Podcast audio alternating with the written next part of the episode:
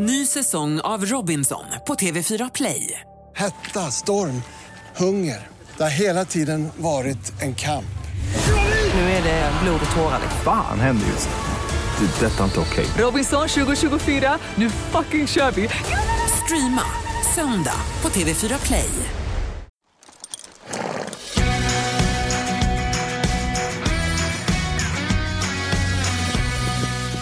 Ja, men välkommen till ett nytt avsnitt av Ridklubben-podden. Hej! Hej, Gry. Nu äntligen är vi här. Vi sitter i Friends Arena. Det är jag vet inte, Sweden International Horse Show. Eh, och det är torsdag när vi sitter här. Exakt. Så när vi sänder avsnittet är det fredag, dagen innan vi ska dela ut vårt stipendium. Ja, det är så himla många som har mejlat och anmält sig eller vänner eller bekanta eller Ja. barn eller fruar och makar till det här stipendiet där vi alltså ska se till att två av våra lyssnare och följare ska få ridlektioner betalda för ett helt år. Ja, det känns så bra i hjärtat och i magen och jag har gråtit floder när jag har läst allas berättelser om deras liv och Ja. varför de inte har möjlighet att rida Ja. just nu. Liksom. Man vill skulle- att alla ska Ja. få rida. Gud, ja. Gud, ja. Ha. Och speciellt om man kanske har en svår, tuff period i livet. Då vet man ju själv, alla vi som har hästar runt omkring oss, hur mycket de faktiskt kan hjälpa en att må bra och läka och bara kanske få glömma bort det som är lite jobbigt ett tag och med hästarna. Idag kommer du, kommer du få möjlighet att lyssna på ett ganska långt avsnitt. Det är Johanna Lassnack och Susanne Högdahl. De har släpper nu en bok som heter En mental sporre som, med underrubrik Ta din ridning till nästa nivå. Och Vi ska prata med dem. Så, ja. Och ja. jag, så det är inte bara ridning, utan den Nej. boken... Jag har lärt mig så mycket bra Ta saker. livet till nästa nivå. Exakt. Jag kommer bli en bättre mamma, sambo, ryttare, allt möjligt efter Du vill höra vad de har att säga helt Eh, enkelt. verkligen. Och vi kommer precis från ett litet möte. Vi träffade Karin och Alex från Jackson, våra Ja. sponsorer. Som tack snälla Jackson för att ni är med och sponsrar den här podden. Vi är jätte, jätteglada för det. Vi har gjort fina västar! Ja! Vi- Vi har köpt Jacksons västar Mm. och så har vi broderat vårt super, super, superfina... Vad säger man? Märk? Nej. Vår logotyp. Vår logotyp, ja. Exakt. Så vi har gjort det, det är jättefina västar som vi har gjort. Men vi var träffade dem i alla fall. Det var jättetrevligt och det var roligt. Vi fick tjuvkika lite grann på saker som kommer komma här under våren och eh, nästa Det var höst mycket också. som man ville ha. Alltså, ja, det finns en ny... Exakt, jag skulle höll på att säga en ny favorit. Jag kan ha många nya favoriter där. Gud, ja. Som jag fram. De har en, vi har pratat om Mary Kappan som vi är så förtjusta i båda två. ja. De har också en kortare, nu kommer jag förstås inte ihåg vad den heter för tillfället. Du som lyssnar får gå in på hemsidan och kolla. Det är en täckjacka som är lite tjockare och lite kortare. ja. Superfin. Jag köpte den åt Nicky, hon har den i skolan. Det är en Perfekt jättefin täckjacka. Verkligen så här vanlig. Åka skidor eller ha den i skolan eller i stallet för den Ja. delen. Den som sagt lite, lite liksom bulligare än Mary Kappan och lite... Vad hette den? Ja, den är jätte, jättefin. Den kan jag verkligen, verkligen tipsa om. Ja, men vad roligt. För Jackson har också bjussigt erbjudande nu när det är Black Week. Ja, som berätta. pågår till söndag. Så det är 25% på hela deras sorti- sortiment. Och varje dag har de lite sådär... Idag kostar Mary-kappan lite billigare, men du vet. Ah. Så de har varje dags erbjudande, men sen också fram till söndag har de 25% på hela sortimentet. Så, lyssnar du på den nu, nu, nu, så skynda. Du hinner köpa julklapparna. Exakt. Ja, så att, eh, gör det. Tack snälla Jackson. Jackson Equestrian, så går man in och kollar där bara, Ja. tycker jag. Vi brukar be våra gäster om stalltips. Ja, jag Ja. hörde att du har ett stalltips. Gry. Nu ska du få höra. Ja, få höra. Nej, men det var när jag lämnade in en hel stor säck med täcken som är sönderrivna. Sen, de biter ju på varandra, så drar ju varandras täcken, Ja. vissa av hästarna. Så täckena går sönder och istället för att köpa nya täcken så lagar vi dem.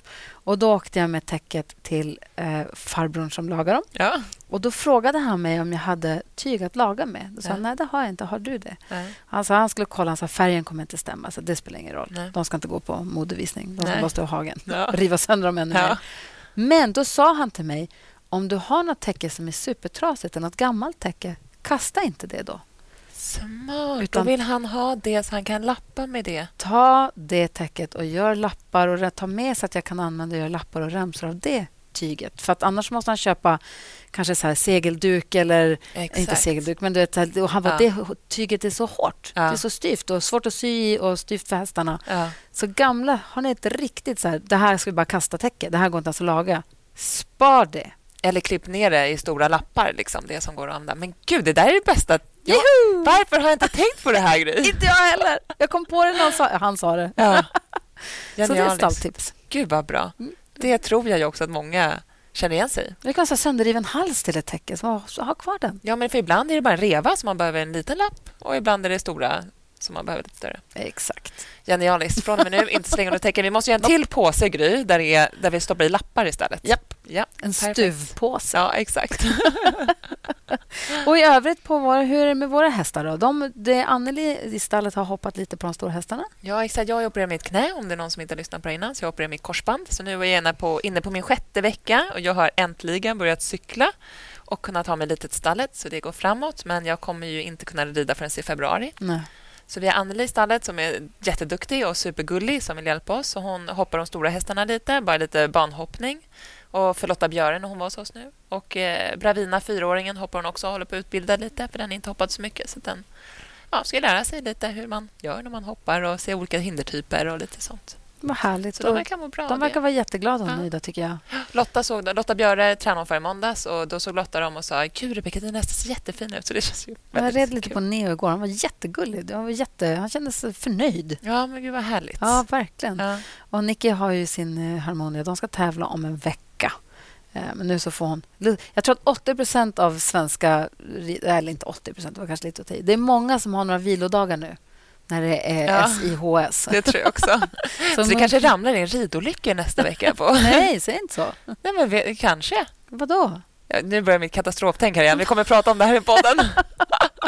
Du menar hästarna blir pigga? och pigga och det är ja. lite höstväder nu och Ja, man nej. låter dem vila och ger dem fortfarande lika mycket Ja, kraftfoder. jag, har, och... jag drog ner kraft redan i förrgår. Jag har Bra preppat för grej. det här. Hon ska få ta det lite lugnt i några dagar. Hon fick ekiterapeuten igår. ja, Vilar idag, går lite lugnt imorgon. Du vet, det kommer att bli toppen. jag tror det. Passa på att ta några fyra, fem dagar nu. Det är väl Ja, skönt precis. att bara ta det lite easy. Jag har också skickat in papperna nu på Kingston. Så nu ska han få ett pass och ett namn. Vad ska han heta? Han ska heta L.A. Kingston. Ja, Ja, som så- Lagin. Exakt, så Lagin blir ju för... Vi tänkte att på alla våra eh, uppfödningar, får se om det blir några framåt, ja, en än Ja. så länge, det är en bra början, att de ska ha LA, någon form i namnet. Så det blir, men det Kingston blir ju hans Ja. namn. Liksom.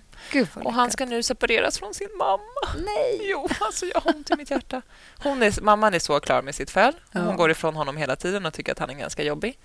Eh, Så jag tror att hon är väldigt redo för det. Men han älskar sin mamma och ropar på henne och sånt. Så jag vet Men inte. Ja, det känns jobbigt. Men han har ju två andra föl, kompisar som han går med i hagen. Så hon som han bor hos, som har gjort det här tusen gånger, hon sa att det kommer gå jättebra. Ja, men vad skönt. Ja, men så då ska vi hem den där nästa fyraåringen också rida på. Så jag måste hem och smöra för Anneli nu så att hon vill rida en till. Ja. Du, boken En mentalspåre eh, kommer ut nu och är typ nästan redan slutsåld. Eller de håller på att prata om att göra en ny upptryckning för det är så många som beställer den. Och du har läst den, älskar den. Jag älskar den. Jag önskar att den fanns för tio år sedan. Den Ja. hade hjälpt mig så mycket i livet. Vi ska få höra Johanna Lassnack och Susanne Högdahl.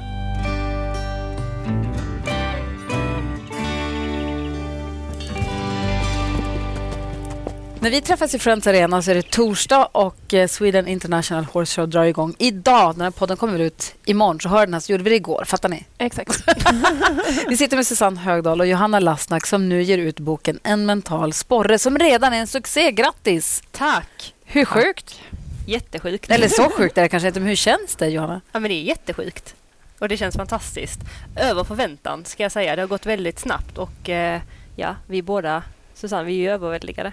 Ja, men alltså jag minns när vi tänkte hur fasiken ska vi ens få ihop till en bok?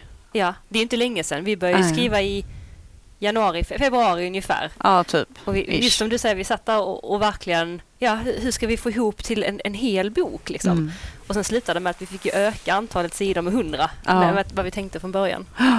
Så att, ja. Hur kom det sig att ni kom att tänka på, eller hur kom det sig att ni kom på att ni skulle skriva den här boken tillsammans? För du är ju skrivande journalist från början. Ja, Susanne. jag är ridsportjournalist. ja, precis. Och du är ryttare och inspiratör och tränare och coach. Men hur kom det ändå att konkretisera boken? Så det är många som har sagt att det här borde man skriva en bok om. Eller det här, ni borde göra en bok. Ja, Men att sen faktiskt göra det, det är ett enormt steg dit. Ja. Nej, men jag, tror, alltså jag har haft det i bakhuvudet i många år att jag velat skriva en bok. Och Sen är jag ju ponnymamma i grunden och har ridit själv, började på ridskola och har liksom gjort hela den resan. Eh, och Sen så har jag gjort en ponnyresa och även upp på häst med min dotter där vi gjorde en elitsatsning. Och Det har ju varit en berg och dalbana under typ tio år. Eh, där man har brottats med en ja, himla massa grejer egentligen. Eh, och så parallellt med det så har jag jobbat med ridsporten och sen har jag följt Johanna på sociala medier eh, i ett antal år. Eh, och sen så bara helt plötsligt så föll liksom poletten ner här i början på året. Jag såg någon story som Johanna hade lagt upp där hon delade med sig väldigt naket av känslor och tankar och, och jag minns att du grät också. Jag stod i badrummet i pyjamasen och bara tänkte henne ska jag skriva en bok med. Det är Johanna. Och helt seriöst där och då i badrummet så skickade jag ett sms bara till Johanna. Så, för jag hade intervjuat henne via ridsport innan så jag hade hennes nummer. Och så bara, har du tänkt på att skriva en bok? Och då får jag det smset när jag är på väg hemifrån för att den storyn som Susanne syftar på det var precis innan jag skulle hoppa upp och, och träna mina hästar. Och jag var så ledsen för jag tänkte mycket på min pappa som jag hade förlorat ett år tidigare. Och, och så visste jag liksom att jag behövde gå in och prestera med hästarna nu och jag tycker att man lägger känslor ofta för mycket, att man trycker ner dem och att man tillåter inte sig vara ledsen. Men jag har upplevt att ju mer man släpper ut känslorna desto snabbare kan man låta dem gå. Så jag ville ta upp och bara berätta om det momentet som hände just mig där och då. Så på vägen hem från den träningen, eller från stallet på kvällen, så fick jag Susannes sms. Och när jag fick det här, har du tänkt på att skriva en bok? Så var jag så här, Va? Hur vet du det? alltså, har jag sagt det? Eller, för jag har gått i den tanken, jag tror jag har haft den tanken hur länge som helst. Ja. Men jag har tänkt att jag gör det någon gång, alltså senare eller lite så, men vem, vem ska läsa den nu? Eller alltså, vad har jag att säga nu? Jag behöver mer erfarenhet och jag vill liksom...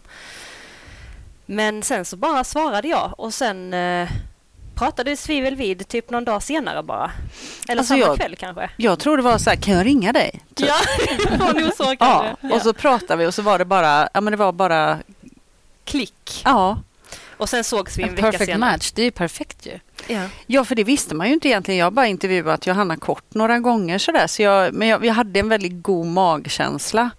Och den visade sig ju stämma så att det, nej, det har bara, vi har kompletterat varandra otroligt bra tror jag.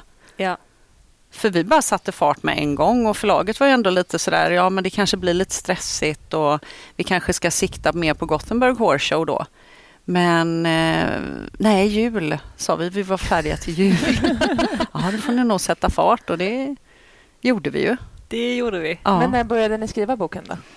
Vi började i februari någonstans. Mm. Mitten kanske. Ja. Det var så för man hör ju att folk skriver böcker i flera år innan de ger ut en bok. Så det vara. Och den är inte tunn heller. Nej, den är inte tunn och den är inte innehållsfattig heller. Nej, alltså, men ja. Nej, men jag bara tänker om man ska förklara för de lyssnare som inte kanske har koll på vad det är för bok. Den heter En mental sporre. Och Rebecka, du har ditt ex här. Ju, du har ju läst SEU. Den är ju bläddrad i. Den här har du läst i. Ja, jag har läst den. Och jag, har jag ska läsa med, den en gång till. Jag pratar med Rebecka. Har du läst den? Ja. Va? Ja. Hon har jag har ju legat hemma på soffan nu i sex veckor. Oj. Och Rebecka säger det är så många kapitel i den här boken som jag måste ta göra. Jag måste ta det här till mig och jag måste tänka på det här och jag ska göra på det här. Så du har verkligen fått en ögonöppnare för hur du kan jobba mentalt med dig själv, eller hur? Ja, gud, ja. Och hur man kan bli liksom en bättre version av sig själv också hemma. Alltså som mamma och partner och i stallet och med sina kollegor. Nej, men alltså jag tycker att den är toppen. Jag önskar att jag läste den för tio år sedan. Jag är så glad. Ja, men, gud vad glad jag blir. Ja, men det, för det är precis det som man vill liksom, på något vis. Ja. Verkligen, och det är första gången vi får höra någon live. Alltså jag, det, folk har precis börjat läsa. Jag tror, mm. jag tror det är en person som har skrivit till mig att de har läst ut hela. Ja. Och det har varit liksom så någon jag inte känner eller så här, nu, nu, när vi sitter så här naket ja. eller nära och så och du berättar det så känns det jättestort. Mm. Verkligen, att den ja. har berört så. Ja men alltså jag tycker att det... den är så bra. Och, du, jag... och vad är det då? Vad är det du får med dig? Eh, nej men alltså dels så är det ju en Johannas resa Lite så. Och, hur man, och så jag tycker att ni har delat upp kapitlen så himla fint. För man kan ju hoppa in och läsa i den lite. Det kommer jag att göra nu framåt. När jag har läst ut hela boken då känner jag att nu nästa gång så kommer jag att stoppa i grejer där jag typ så här, det här vill jag läsa när jag ska åka iväg och tävla. Mm. Eller det här kapitlet ska jag läsa när jag är trött på mina barn och känner att jag inte orkar vara mamma längre. och du vet, så det tycker jag är väldigt, väldigt fint och härligt. Och att det var också ett kapitel du skrev om det är någonting som du inte gillar som du vill förändra då, vill man ju, då ska man börja med att försöka förändra det. Men om du inte kan förändra det så får du ändra din attityd till det.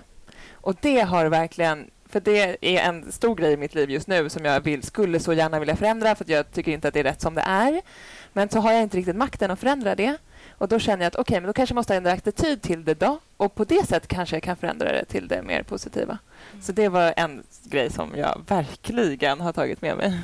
Kul! Ja, det är precis så vi tänkte med underbart. boken. Ju. Ah. Alltså att man ska kunna hoppa in och lägga ja, men lägga en lapp eller skriva, göra en notis och gå in och läsa det vid mm. det aktuella tillfället. Ju. Mm. Så det är kul att du har Ja, jag gillar det. Mm. Det funkar. Ja, man tindrar. Ja, men verkligen så.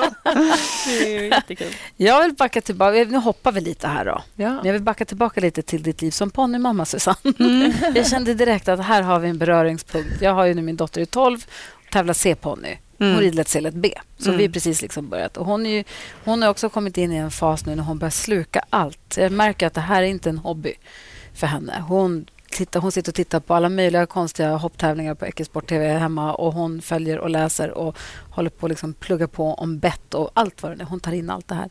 Vad är, det, vad är de största lärdomarna du har gjort i den resan för dig? Som jag kan ta till mig. ja, alltså det har ju varit väldigt mycket. För vi köpte väl vår första ponny när eh, min dotter Ester var 11-12, så det var ju den åldern precis. Och då kände jag, alltså då hade jag ju ändå som hästbakgrund själv men det var ändå så himla mycket det var en, ändå en väldigt stor lärandeprocess för mig att komma in i det. Och jag ska säga, det har varit väldigt mycket trial and error skulle jag vilja säga längs vägen. Samma här. Ja, och du har ju också hästbakgrund mm. tänker jag, men ändå så har man inte facit på något vis för att det händer hela tiden nya grejer med hästar och man är på ett visst sätt som person, som mamma och ens dotter är på ett visst sätt och man har en viss dynamik så att det är så många saker som spelar in i hur det här hästlivet blir. Och det var väl det jag kände också, alltså med boken så jag, precis som du så önskar jag att jag hade haft den när vi drog igång våran satsning. För det hade varit så mycket enklare på många sätt då. För man har brottats med väldigt mycket skulle jag vilja säga längs vägen.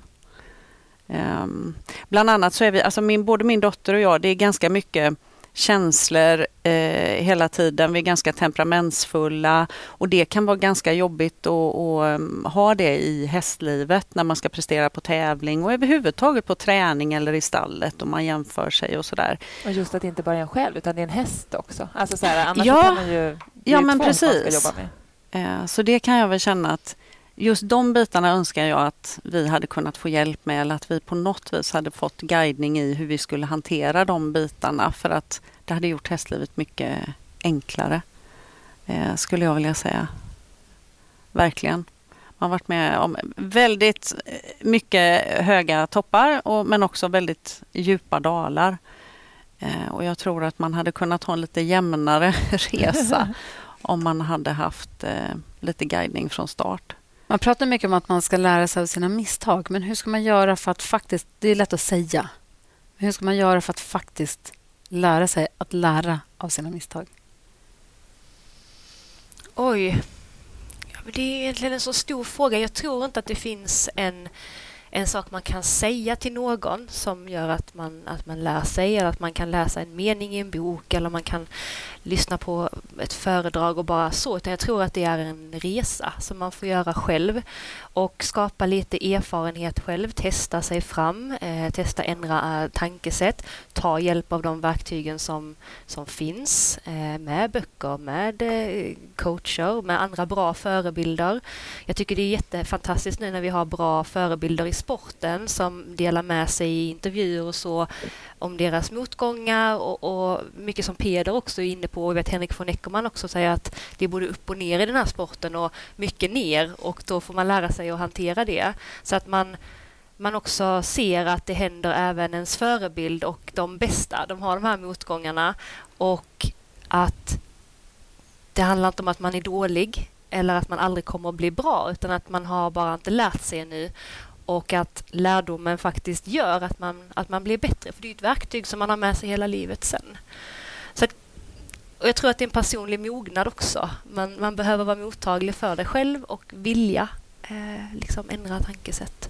Tänker jag. Jag vet inte om du tänker på något annat. Mm. Jo, men det, det ligger väldigt mycket i det. Och sen just det här att kunna alltså reflektera tillsammans med sitt barn då. Att, att liksom verkligen... Och det, det, det tror jag är väldigt viktigt och det, där har man ju ofta tid, alltså när man ligger ute på tävling som vi har gjort mycket man sitter mycket i bilen. Att, att just som efter de här upprörda känslorna har lagt sig, om man har haft en dålig start och sådär, att man ändå kan, kan sitta ner och prata om de här sakerna, vad det var som hände och hur man kan tänka annorlunda nästa gång. Och, Ja, men just som du säger, att man inte lämnar varje tävling eller träning med bara känslan av att... För vi alla har haft en täv- träning eller en tävling där man känner att allt gick skit idag och jag är dålig, jag förtjänar inte min häst, jag förstör min häst och allt var bara fel. Och det är ju en känsla som tar enormt mycket utrymme i kroppen. Men som du säger, när känslorna, vi pratar mycket om det i boken också, när känslorna har lagt sig, att man faktiskt tittar på vad det faktiskt var som hände och varför. Och att man kan man, kan man hitta den delen, varför hände det och, och hitta vad är det jag behöver lära mig av situationen, då kan det födas en motivation utifrån det där man kan gå hem och träna på det eh, som, som var utmaningen och som gick fel. Till den graden man, till, till man känner att man faktiskt kan hantera det tillsammans med sin häst.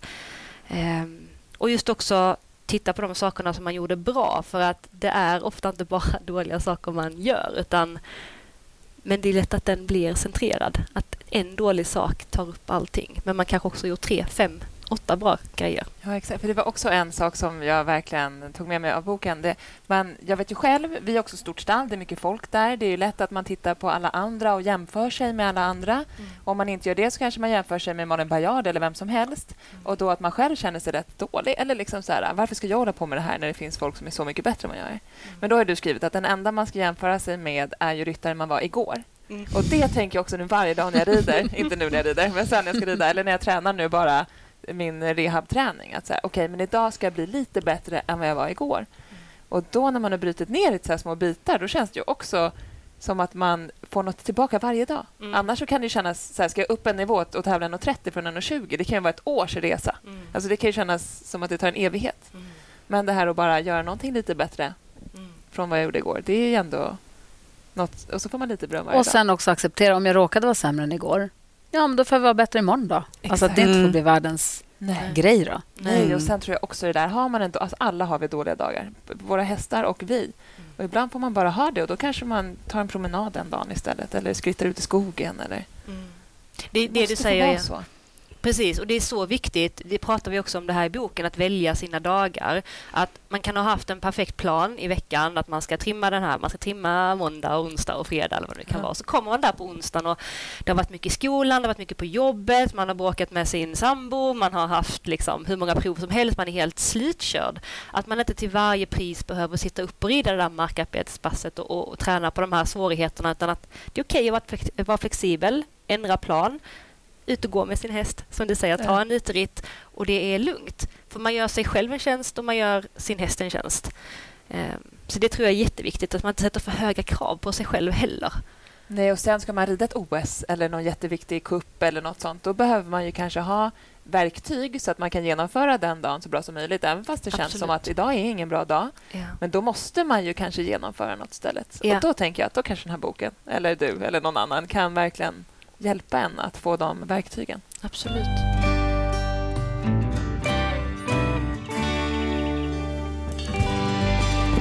Hur har ni jobbat när ni har skrivit själva boken? Är det du som har berättat, pekar på Johanna då, och Susanne som har skrivit, eller har ni skrivit båda tillsammans, eller hur har ni gjort?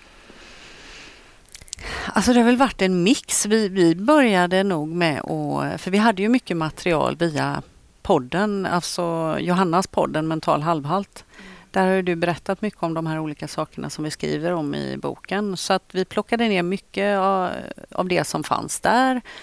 Och sen så började vi sortera och, och, lägga till och se vad vi ville fylla i för luckor och mm. ja, hur vi ville renodla det helt enkelt.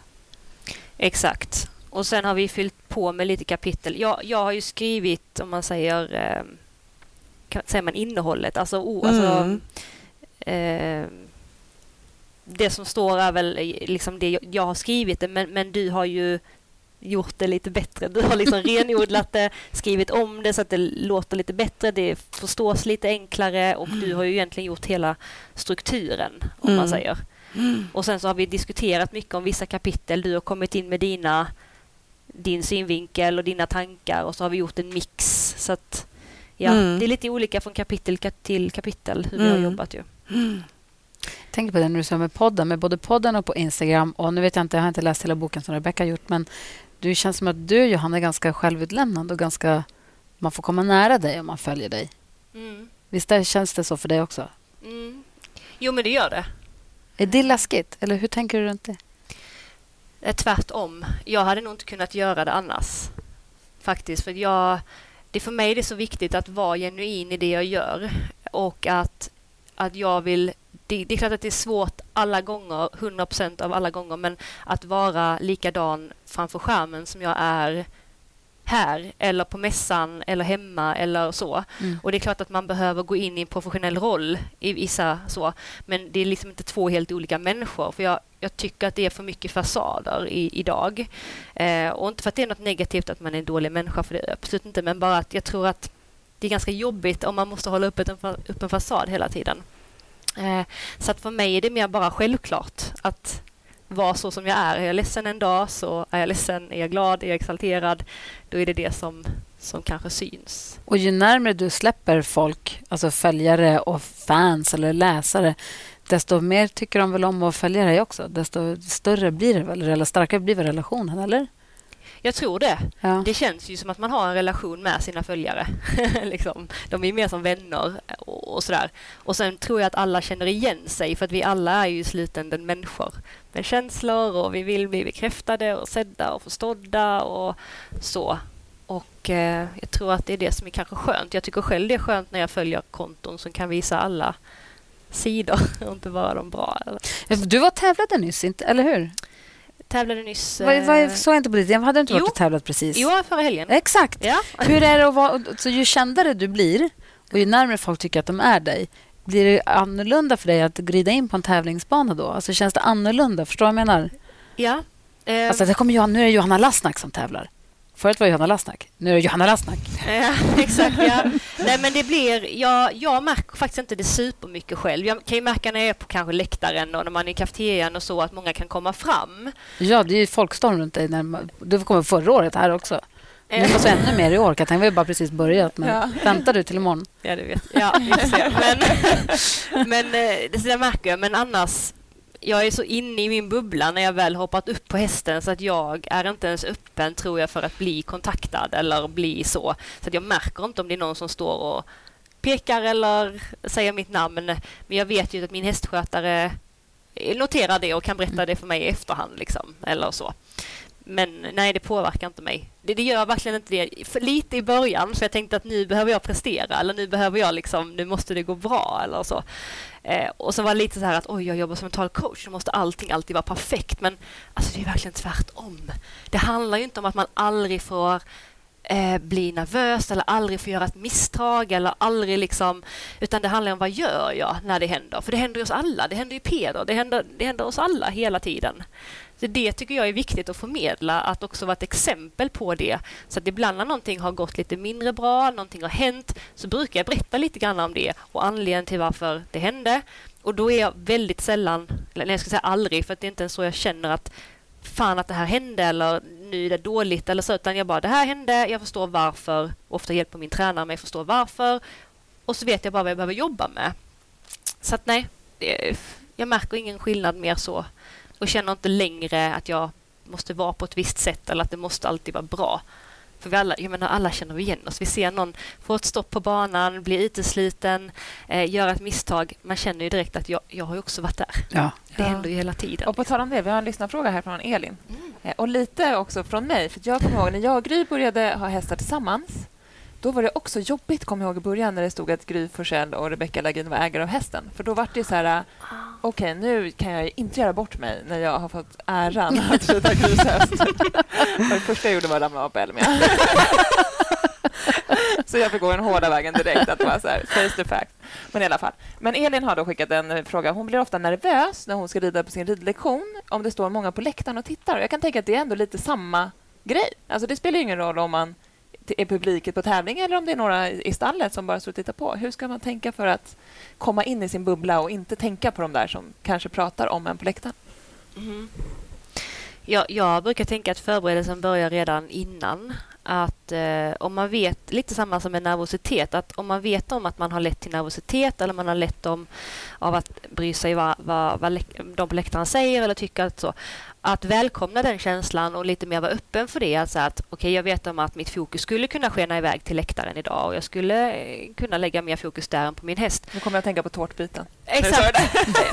och tårta, pizzabit, så här, den kommer liksom flyga iväg. Men när den gör det... Hallå, jag fattar inte tårtan. Nej. Du får läsa boken så kommer du förstå. Nej, men lite så här att man ser när man ska rida, att man, att man ja. istället... För man har ju lite ingredienser och uppgifter när man ska rida. Eh, och istället för att man har ingredienser då som att jag behöver räta på mig, jag behöver tänka på att ha mina korta tyglar eller ha mina ben om. Eh, eller istället för att... Så det, det, är ingredienser och uppgifter och då kan man tänka sig att man har som en pizza. Så istället för ost och skinka och tomatsås så har man just att rätta upp sig, ha sina korta tyglar, ha benen om och så vidare. Och, och, och Annars blir det pizza bianco. Ja. det är inte lika gott. och när man då flyger iväg till läktaren så kan man se lite hur en pizzaslice lämnar liksom, pizzan och flyger iväg. Um, och lite det med att man har tappat fokus då. Och kan man se den här pizzan hängandes på en gubbe eller på läktaren eller på ett hinder så kan det bli ganska komiskt och mer lättsamt mm. och mer som en påminnelse om att min, min bit är ju där, jag behöver få tillbaka den. Och hur får jag tillbaka den? Det får jag genom att faktiskt fokusera på det jag gör nu och vad jag behöver göra. Så tillbaka till det rent praktiska, praktiska vad man kan göra är ju att man går igenom innan att jag kommer antagligen bli nervös eller jag kommer antagligen fladdra iväg upp på läktaren. Men när jag gör det, vad behöver jag göra då? Just det, jag behöver återgå till det jag ska göra. Vad blir viktigt nu? Hur känns min häst? Vänta, ta hästen min skänkel. Jag lägger om benen. Jag får svar. Okej, tack så mycket. Jag tar bort benen. Eller jag får inte en reaktion. Ja, men jag ger en liten liten kraftigare skänkel. Nu fick jag svar och så tar jag bort. Att man blir närvarande det man gör. Sen kanske man flyger iväg igen, men att man kommer tillbaka till, till sina uppgifter. Det har vi också pratat mycket om i, i boken. Mm. Och det där blir en extra utmaning ibland med, med barn kan jag tänka. att eh, För en vuxen att jobba med det är, är, kanske lite enklare men det är ändå en stor hjälp om man liksom kan visualisera det här för, för ett barn och kunna jobba med det på samma sätt så blir det så mycket enklare och för, för det är tufft, det är mycket känslor. Bara det att man växer är ju massa känslor i sig. Och just att kunna få hjälp av de här olika typer av verktyg för att liksom ta kommandot över sina känslor. Och, och jag brukar säga till min dotter, alltså just det här att föra en slags inre dialog med sig själv har funkat ganska bra för oss. Um, skulle jag vilja säga. Um, ja. Jag känner också när jag läste boken att man känner sig inte ensam. För annars tror jag att man kan känna sig lite fel och lite ensam. Att det är nog bara jag mm. som tänker på vad de andra tycker. Eller så mm. Och Det är väldigt härligt i boken, tycker jag. För Det känns som att dels att man har tagit mycket exempel av lite kändare ryttare och större Peder Fredriksson och såna. Eh, men också Johanna, att du har brottats med exakt samma grejer som jag också har gjort. Och Då kan jag tänka mig att det måste vara så många fler där ute. Det kan inte bara vara vi tre som har tänkt den tanken. Liksom. Så det tror jag också är bra. Och där när man är ung, för då är det så svårt. Då kommer jag ihåg i alla fall att jag känner mig så otroligt ensam. Mm. Och att man inte ville blotta sig riktigt. Att det var ännu jobbigare då att kanske berätta om de problemen man hade eller det man stötte på. Liksom. Exakt, så man sluter sig och man skäms och man känner exakt. och det är precis exakt likadant känner jag. Man känner sig fel. Liksom. Man känner sig fel ja. och just den här ensamheten för att det som vi också har sagt att detta är kanske inte någonting man sitter och pratar om i klubbrummet eller sadekammaren eller på tävling att jag jämför mig med alla jag rider fram med eller jag är rädd för att misslyckas och jag så och därför tror jag det kan vara skönt att läsa som du säger historier ja. och att andra har varit med om det och jag brukar säga så att jag, jag hade önskat att alla ryttare någon gång fick sitta och jobba som mental coach en dag och ha tre, fyra, fem möten bara med olika ryttare eller få följa ett par ryttare bara under några månader. För Det är därför jag är så himla övertygad om att vi alla känner så här. För det finns inte en enda klient jag har mött ännu i alla fall som inte brottas liksom, med de här sakerna. Det här måste ju också ha stärkt dig som person och enormt. utbildat dig enormt bara av att få dem... Man får och, höra andra. Exakt. Mm. Exakt. Ja, ja det, det, det är enormt. Ja. Verkligen. Nej, men för det var ju som när jag pratade med Andrea Persson som ju Johanna coachar som rider Nations Cup gjorde hon ju nu nyligen och är verkligen upp på, på väg upp på högsta nivå. Eh, att även hon har ju brottats väldigt mycket. Hennes stora problem var ju att rida en oxer ur sväng. Och det kan man ju relatera till själv. Ja, eller hur? Och man bara ser den här oxen tona upp sig och, och, och, de här klassiska grejerna man börjar göra när det bara låser sig. Att antingen alltså man blir helt passiv eller som, alltså jag minns som min dotter, vi, vi red i Båsta och hon var på väg mot en sån här oxer, det var i slutet på banan. Och man bara ser hur hur allting bara fryser och hur hon börjar göra liksom fågeldanser med armarna. Alltså den här attackridningen ni vet som kommer. Man måste komma fram nu. Ja, men precis. Och just hur eh, Andrea och Johanna har jobbat eh, med olika mentala verktyg för att lösa upp de här knutarna. Och precis som du säger, alltså acceptera känslan av att ja, jag vet att den, den här, det här kommer komma över mig, det här är jobbigt.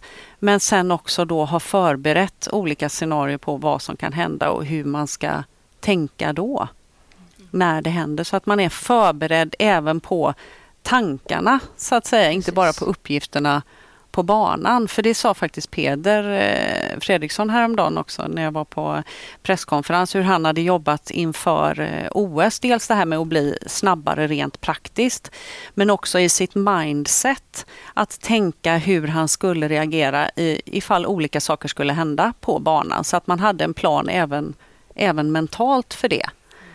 Eh, var en sån här stor grej för han hade också tagit eh, mental hjälp inför Tokyo. Det skapar ju en trygghet när man vet vad man ska göra i de olika situationerna som kan hända. Och jag har, en, jag har själv gjort det under alla år och jag tror att det är ganska naturligt att när man är rädd för någonting, man har ett scenario som absolut inte får hända, då går tankesättet mer att man, man hoppas inte att det ska hända eller så. Eh, så att man försöker tänka bort det. Men det värsta man kan göra är att tänka bort rädslor eller tänka bort svårigheter. Det är bättre att tänka igenom om jag hamnar i den här situationen, vad gör jag? Eller om min häst gör så här som den absolut inte får göra, vad ska jag göra då? Eller om den här trekombinationen kommer med oxerin, hur gör jag då? Exempelvis. Det är smart. Jag kan ju ha lite katastroftänk. Jag vet inte om det är kvinnligt. Nej, men det har jag också. Eller efter man fick ja. barn. Så den, man ser ju vatten och det första jag tänker är att gud, tänk om mitt barn drunknar. Alltså, ja.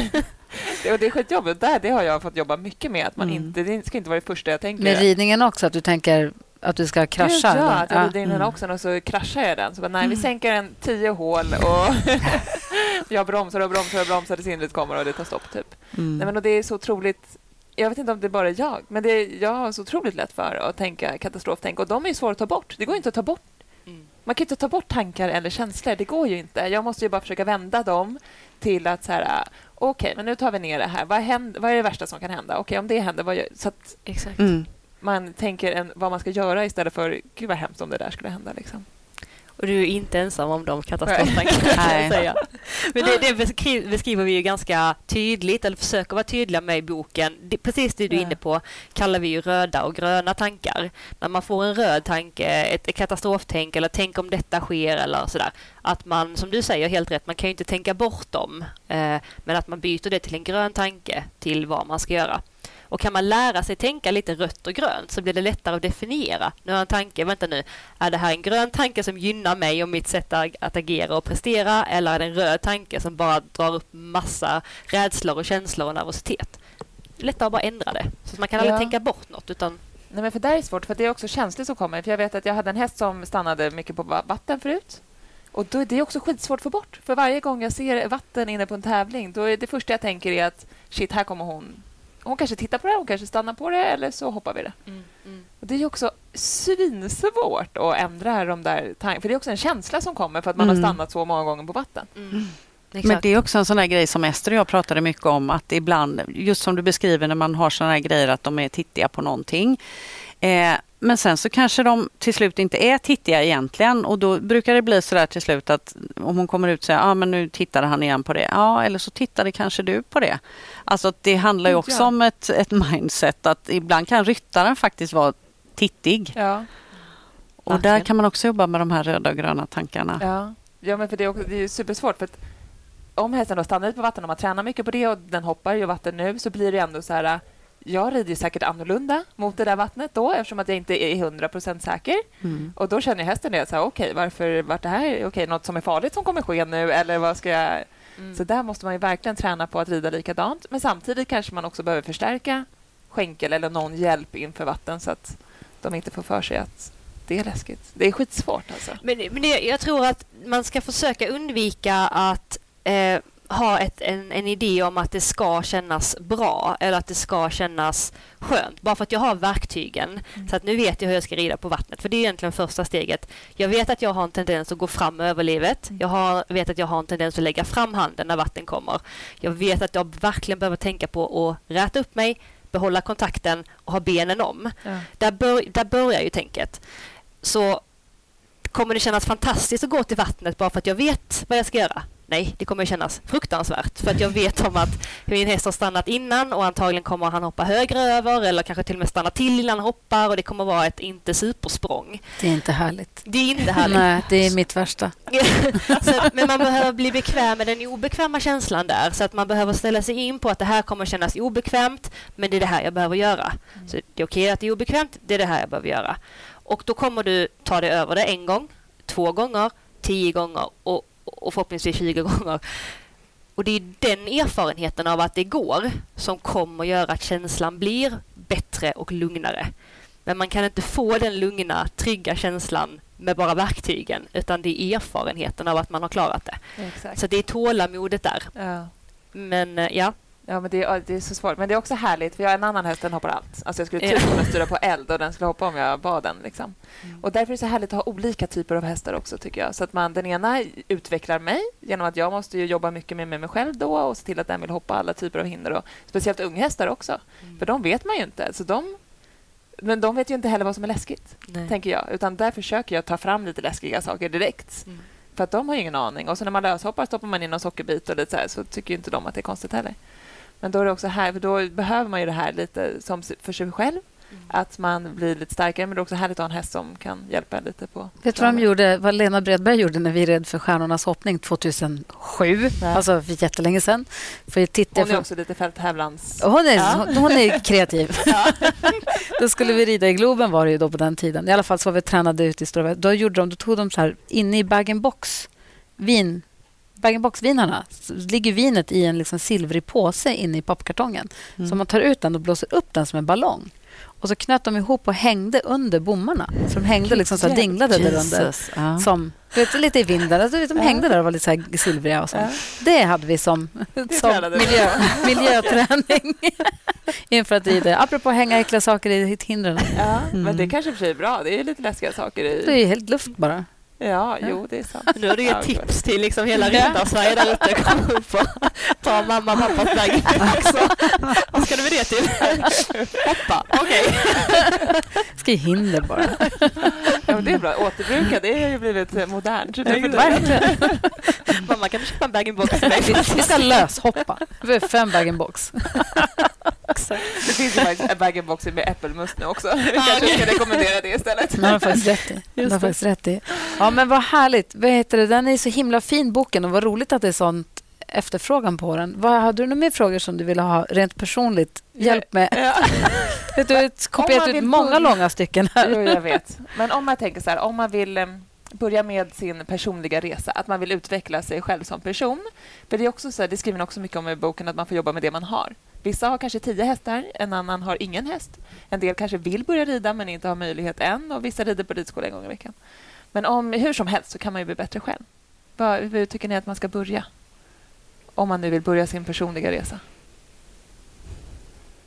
Alltså jag tror, för det var en sån här grej som, som du sa tidigt, alltså det här våga vara sig själv, våga vara människa, så våga alltså släppa ner garden, våga att ta ner fasaden på något vis och våga erkänna det för sig själv och våga öppna upp inför andra också, för då tror jag ofta så, jag, jag tror att man får ett gensvar där direkt faktiskt, som man kanske inte hade väntat sig. Så att börja prata om de här sakerna är en väldigt bra början för att känna att man är fler som sitter i, i samma båt.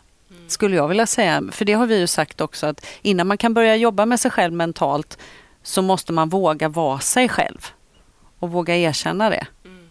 Sina svårigheter och utmaningar och styrkor och allt det här för att kunna jobba med sig själv mentalt. Det är väl egentligen första steget, att Ja. våga öppna upp för sig själv och för andra om att, vad man jobbar med och vad man sliter med. För då upptäcker man att alla andra jobbar och sliter med samma sak. Och då kanske man kan hjälpas åt. Ja, För någon kanske faktiskt. sitter på några nycklar och någon annan på en annan nyckel. Och så. Ja, ja, men så är det faktiskt. Att man vågar prata just om de utmaningarna mer, tror jag. Mm. Ja, men verkligen.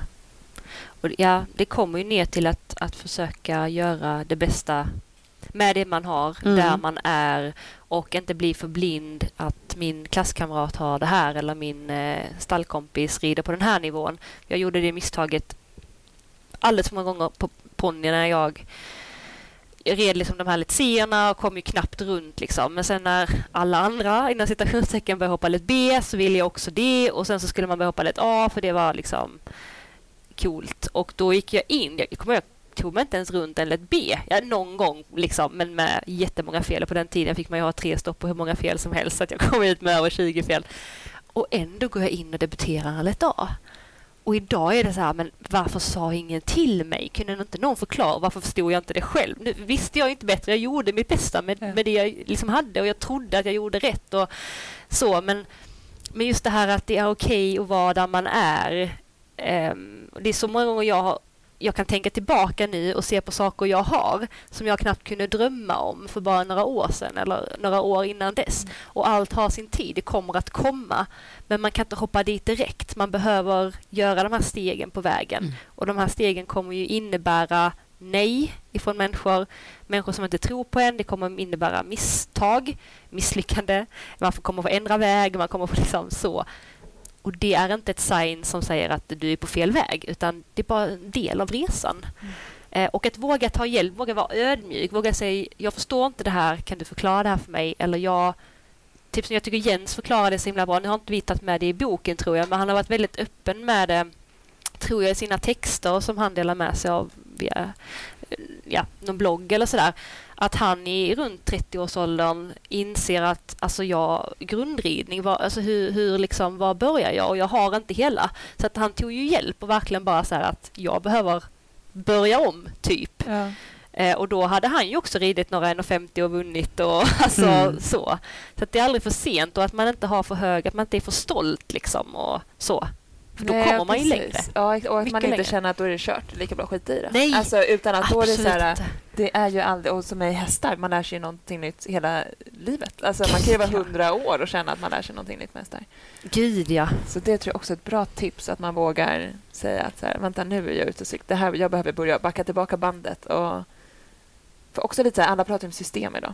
ja. Att man ska ha sitt system och vad är ens ett system och vilket system är bra för mig och vilket system är bra för er. Mm. Så där tror jag också, det är inte för sent. Utan, och också om man, jag kanske har ett system idag som jag tror på jättemycket, men sen om några år då kanske jag har fått ännu fler verktyg och nycklar som säger att fast det där systemet passar inte alls mig, kanske, eller mina hästar eller mitt liv. Absolut.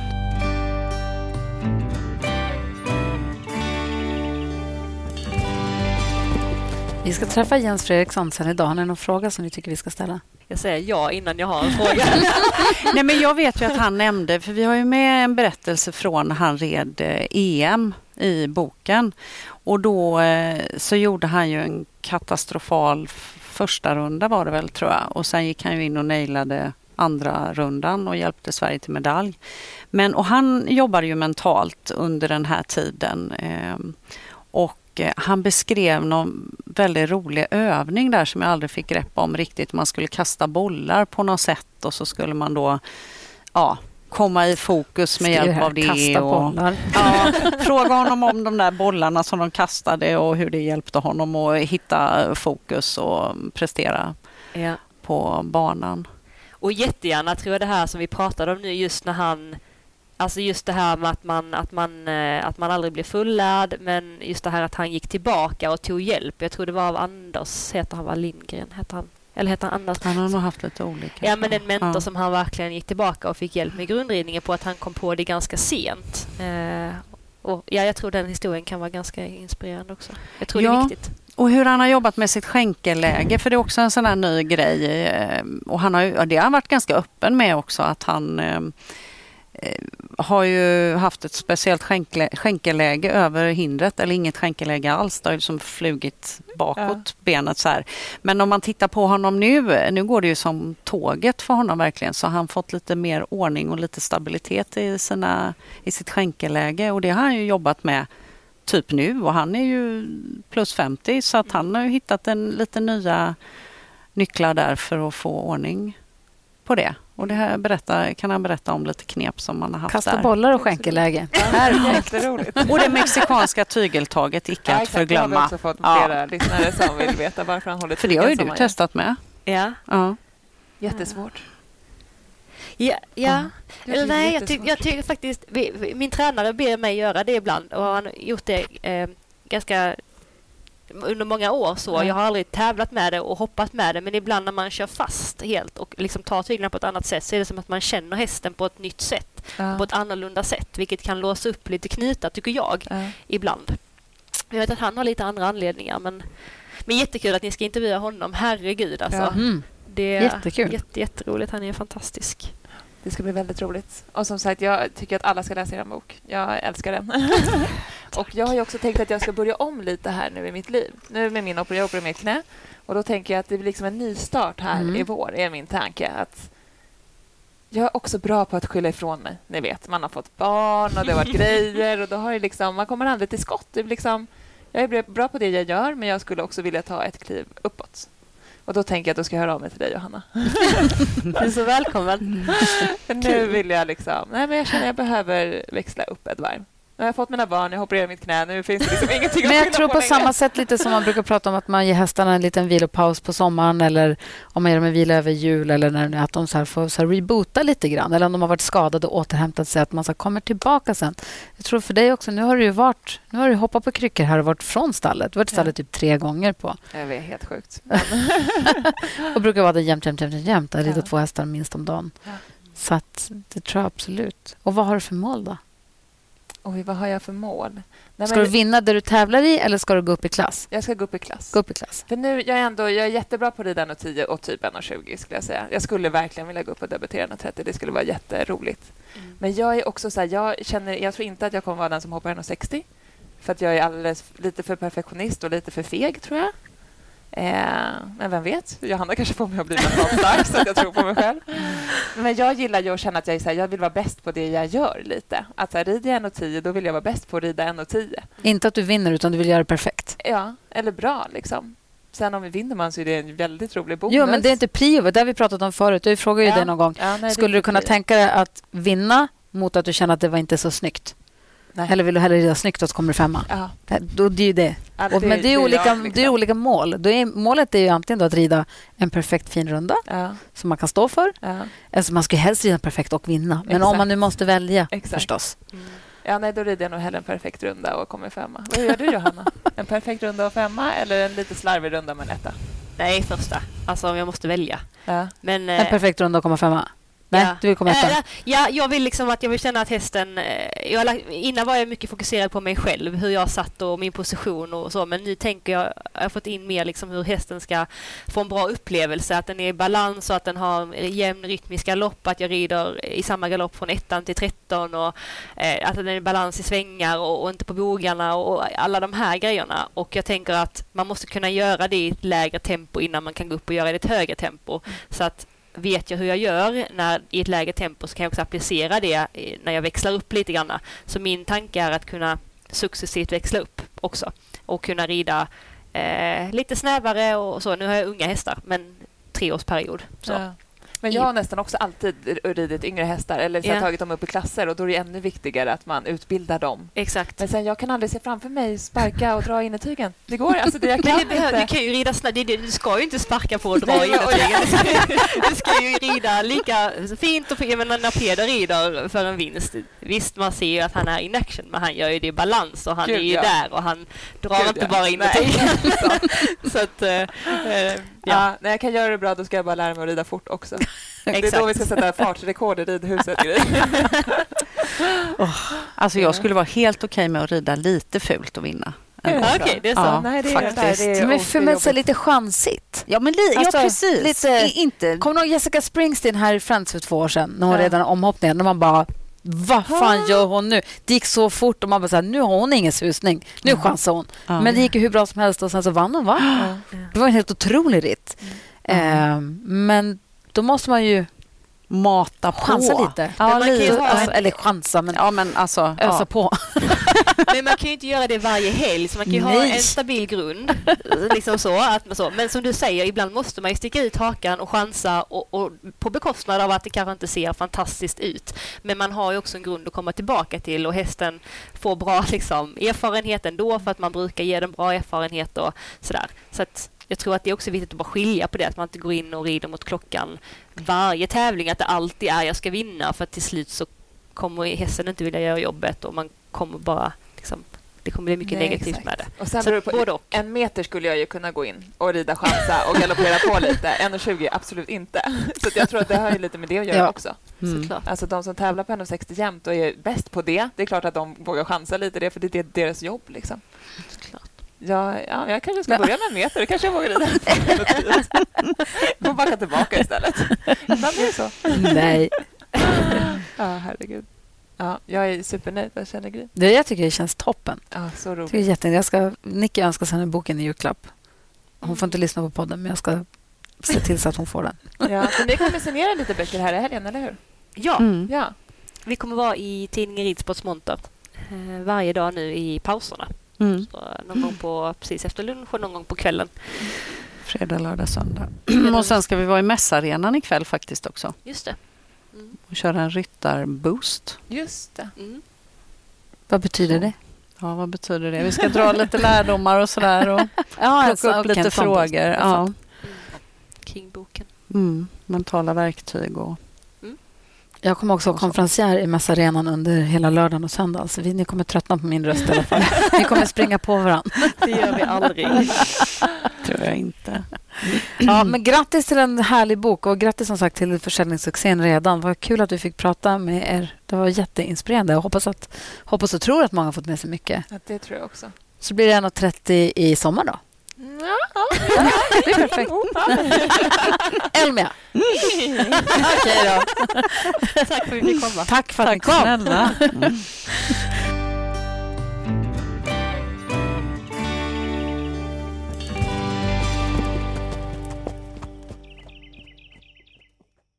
Ny säsong av Robinson på TV4 Play. Hetta, storm, hunger. Det har hela tiden varit en kamp. Nu är det blod och tårar. Fan händer just nu. Det. är Detta är inte okej. Robinson 2024, nu fucking kör vi! Streama söndag på TV4 Play.